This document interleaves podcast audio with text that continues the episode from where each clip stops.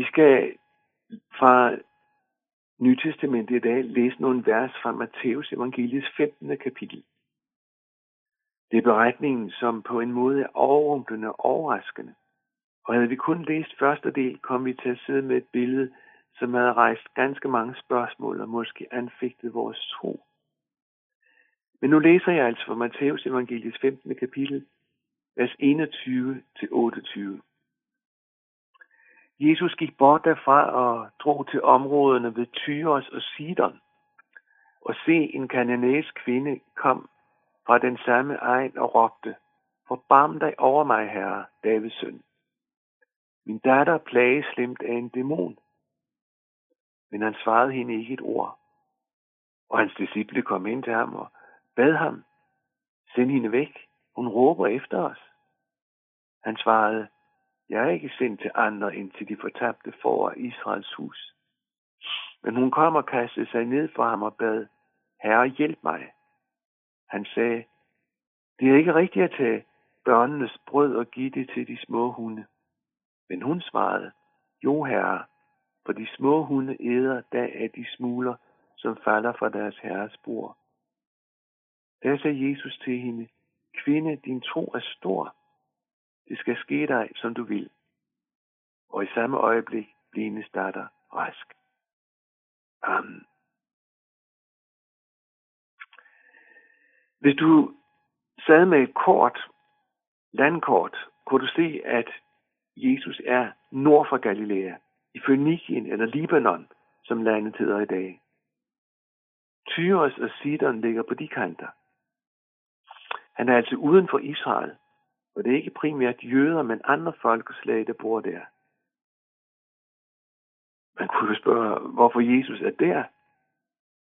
Måske er det et forsøg på retræte, et forsøg på at tage et sted hen, hvor han ikke var så kendt, som han var i Galilea, Judæa, Nordisrael og Sydisrael.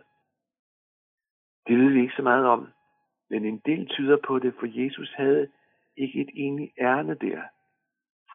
Alene Matthæus måtte måde at skrive på, når han siger, at Jesus gik bort derfra, hvor han netop havde været omgivet af ganske mange mennesker, leder vores tanker i den retning, af at han ville være uden, at der var så mange, som forventede så meget af ham. Og så ved vi fra Nytestamentet, blandt andet fra Markus Evangelius kapitel 3, at mange også fra disse steder, Tyros og Sidon, havde hørt om Jesus. Og mennesker derfor, derfra var rejst sydpå for at opleve Jesus, høre ham, jeg se ham helbrede, se og opleve, hvordan han uddrev dæmoner, og høre dæmonerne afsløre, at Jesus er Guds søn. For det vidste de, de onde ånder, som hører til i den åndelige virkelighed. Rygterne er gået, og fortællingen om Jesus har levet, også de egne. Mennesker har hørt om Jesus. Og egentlig tror jeg, at Jesus forsøgte at være anonym, mens han var der. Og så er der en, som enten genkender ham, eller en, som hører andre fortælle om ham. At en, der bor der, og nu er der i disse dage, at det er Jesus. Og det var en kvinde, en mor, som da hun blev klar over, at Jesus er der, så ser hun ham som en mulighed. Og hun råber efter Jesus. Forbarm dig over mig, herre, Davids søn. Alene med de ord får hun sagt, at hun er klar over, hvem Jesus er. Hun er klar over, hvordan relationen er til den Gud, som er jødernes Gud.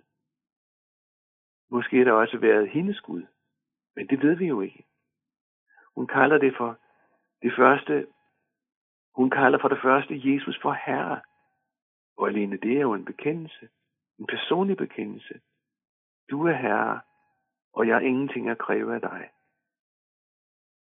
Jeg tror også, Jesus, siger hun, at du er langt mere end jeg, og jeg har absolut ingenting at kræve af dig, for du er min Herre, så er der kun én ting at gøre, og det er at bøje mig for dig. Men hun siger én ting mere. Forbarm dig over mig, herre Davids søn. Hun tager fat på jødernes historie, og sin henvendelse til Jesus får hun sagt, jeg tror, at du er den, som Gud ville sende til jord. Jeg tror, at du er Davids søn. Den tankegang, kvinden henviser til, kan man læse om i Gamle Testamente. Det er jo kong David, som besluttede, at han vil bygge Gud Herren et hus. Han ser sit eget hus og så Herrens hus i gås øjne, nemlig et telt. Og der står pagtens ark, og profeten kommer så til kongen og fortæller, at det ikke er ham, som skal bygge Herren et hus. Og så kommer der nogle dobbeltprofetier, fordi Herren fortæller David, at Herren vil bygge David et hus, og hans søn skal bygge Herren et hus. Og det dobbelte er, at det ikke alene vil Davids søn Salomo bygge Herren et tempel, men også denne virkelighed, at der skal komme et Herrens hus, som skal stå i evighed. Og Gud siger i den forbindelse, og nu citerer jeg fra 2. Samuels bog, Jeg vil være hans far, og han skal være min søn. Som står der om den, der skal bygge huset. Rent bogstaveligt byggede Davids jo søn et tempel efter Davids død. Men det tempel nedrev Israels fjender jo i forbindelse med frafald fra Herren og Herrens tugt af folket. Men der kom et andet rige, og der blev givet et løfte om et andet rige, som skulle komme, og som Jesus, Davids søn, der blev født i Davids by Bethlehem, skulle grundlægge. For, for lige at gøre det her færdigt, det, det var ikke ualmindeligt, at jøderne kaldte et menneske for søn af, og så et navn, selvom der var mange slægtled mellem vedkommende, og så den, som man kaldte ham søn af. Jesus blev født ind i Davids slægt, jævnfør slægtregisterne i Bibelen. Davids søn. Vel, i det kvinden råber efter Jesus, ligger der altså den bekendelse. Jeg tror om dig, Jesus, at du er den Gud har lovet, der skulle komme. Du er Messias. Kvindens problem var, at hendes datter blev plaget af en ond ånd. Det var ikke holde ud. For hvem kunne magte at ændre den tilstand? Ja, det var jo bare Gud, der kunne det. Og så altså Jesus, som nu var på besøg her. Hun råbte efter Jesus, står der. Det er lidt mærkeligt at læse. Vi kan vel forestille os gadebilledet, hvor mennesker, der taler sammen, handler og andre, som er på gaden, som taler om vejr og vind, og priser og taler om priser på det, der er til salg. Og så er der en, der råber, og det gør kvinden. Og Jesus svarer hende ikke et ord, står der. Det er ligesom Jesus ignorerer hende, afviser hende. Der er næppe tvivl om, at Jesus har bemærket hende, for jeg tror, at det, der sker, har vagt opsigt. Samtalen på gaden er gået i stå. Er der en, der råber? Hvad, hvad sker der lige nu? Og hvem er det, der råber? Hvem er det, der råber til? Da disciplene bliver klar over, at Jesus ikke svarer hende, fortæller de ham, at det faktisk er pinligt, det der sker. Så pinligt, så de til Jesus siger, få hende dog til at tige stille. Send hende væk. Hun råber efter os, og folk kigger. Det er pinligt. Jesus siger, at han ikke er udsendt for andre end til de fortabte for Israels hus. På den måde afslører Jesus jo, hvorfor han ikke svarer hende. Vi ved fra Nytestamentet, at det første var sen, først var senere i kirkens historie, at det blev klart, at evangeliet var for alle mennesker. Jesus sender disciplene afsted til alle folkeslag, og Peter, som lederne i den første menighed, får besked fra Gud med et klart signal, at evangeliet er for alle, også for ikke-jøder, alle, der vil høre og tage imod Jesus, får del i Guds frelse. Kvinden er imidlertid kommet så tæt på Jesus, at han falder ned for ham, og så hælder hun hele sit hjerte ud for ham. Herre, hjælp mig. Vi forstår, at hun er i dyb, dyb nød, når hun gør det. Selvom Jesus afviser hende først ved ikke at svare hende, og derefter øh, at tale om, at hans, op, hans opgave er rejse mod jøderne Israels hus, som Matthæus gengiver det her, så er det ligesom hele kvindens opmærksomhed overser, overhører de ting. For når hun ser Jesus, så er det ham, som er muligheden. Han kan hjælpe. Han kan det ingen andre kan. Derfor kommer det fra hende, også på trods af det, som kan ligne en afvisning. Herre, hjælp mig. Jesu kommentar til hendes bøn, også den er overraskende. Så så bruger han et billede Jesus siger, at det ikke er rigtigt at tage børnenes brød og give det til de små hunde, som ligger der ned under bordet og roder. Alene billedsproget, som Jesus bruger, er kolossalt sigende. For en jøde blev en hund ikke regnet for andet end et urent dyr. For mange jøder blev ordet hund brugt som et skældsord. En hedning, altså en ikke-jøde, kunne, så frem man ville vise foragt, blive kaldt en hund. Men kvinden ydmyger sig i den grad.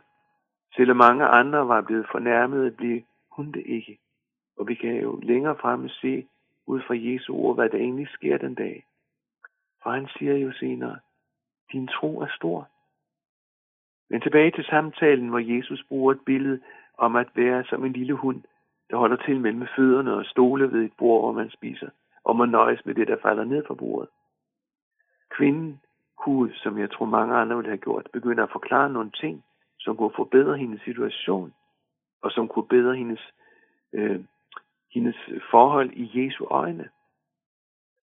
Jamen, jeg har faktisk bedt mange gange til Gud, ikke sandt? Jeg føler heller ikke de andre, følger heller ikke de andre, når de beder til afguderne, som man dyrker her i vores land, eller jeg har taget mig af min fattige nabo, som jeg ikke kunne, som ikke kunne klare sig selv.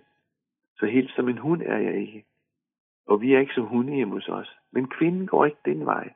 Hun siger, Herre, de små hunde æder da de smuler, som falder fra deres herres bord. Hvad er det, hun gør her? Hun erkender Herre. Hun erkender, ja Jesus, det er sandt om mig, at jeg er som en hund. Etiketten på mig er, at jeg er en hund. Jeg har ingenting at præstere, som jeg kan bringe ind i samtalen for at formidle dig. Jeg har ingenting, som jeg kan kræve. Jeg er en hund. Og når det gælder dig og mig her, så har jeg intet. Og jeg er intet. Og jeg kan hverken i mine tanker eller i virkeligheden kræve noget som helst af dig. Jeg har én ting at håbe på, at du forbarmer dig. Jeg har én ting at håbe på, at selvom der hos mig ikke er nogen grund til det, at du vil møde mig med kærlighed. For jeg har sådan brug for dig. Du er min mulighed, Jesus.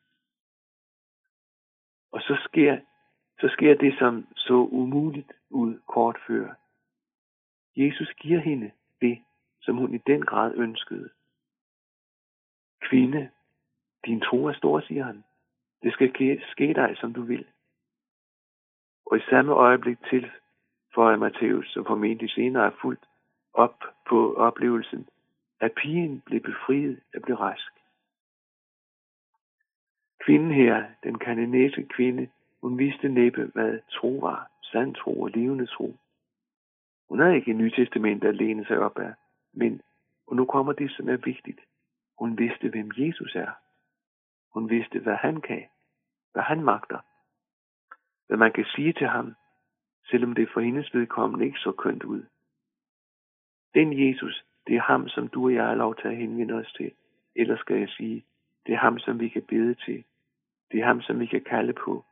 Og med den situation, hvor Jesus kommer til områderne ved Tyros og Sidon, med den, med den situation øh, er det anderledes i dag. Da Jesus var blevet, da Jesus var, var her, og var hans opgave at virke blandt jøderne, men han kom for at frelse alle menneskerne, så alle kunne få mulighed for at komme til Gud. Og det er jo vores situation. Jesus vil ikke ignorere din bøn eller din henvendelse til ham. Han vil ikke ignorere de ønsker, du fortæller ham. Og han vil handle med dig i kærlighed, hvad enten han giver dig det, du ønsker, eller han ikke gør det. Jeg ved jo ikke, hvad forhold du har til Jesus Kristus, men jeg ved, at han ønsker at komme i forbindelse med dig. Jeg ved, at han ønsker at frelse dig, så du kan få din synd tilgivet hos Gud, for det magter han. Skulle du ikke lade denne andagt være en ny begyndelse for dig, så du vender dig til Jesus og fortæller ham det, som er vanskeligt for dig, det, som du synes er umuligt. Jesus vil høre på dig, for han elsker dig. Han vil være sammen med dig denne dag. Han ønsker at være sammen med dig den sidste dag på denne jord. Han ønsker at være sammen med dig bag døden. Han ønsker at være sammen med dig i evighed. Sådan elsker han dig. Amen.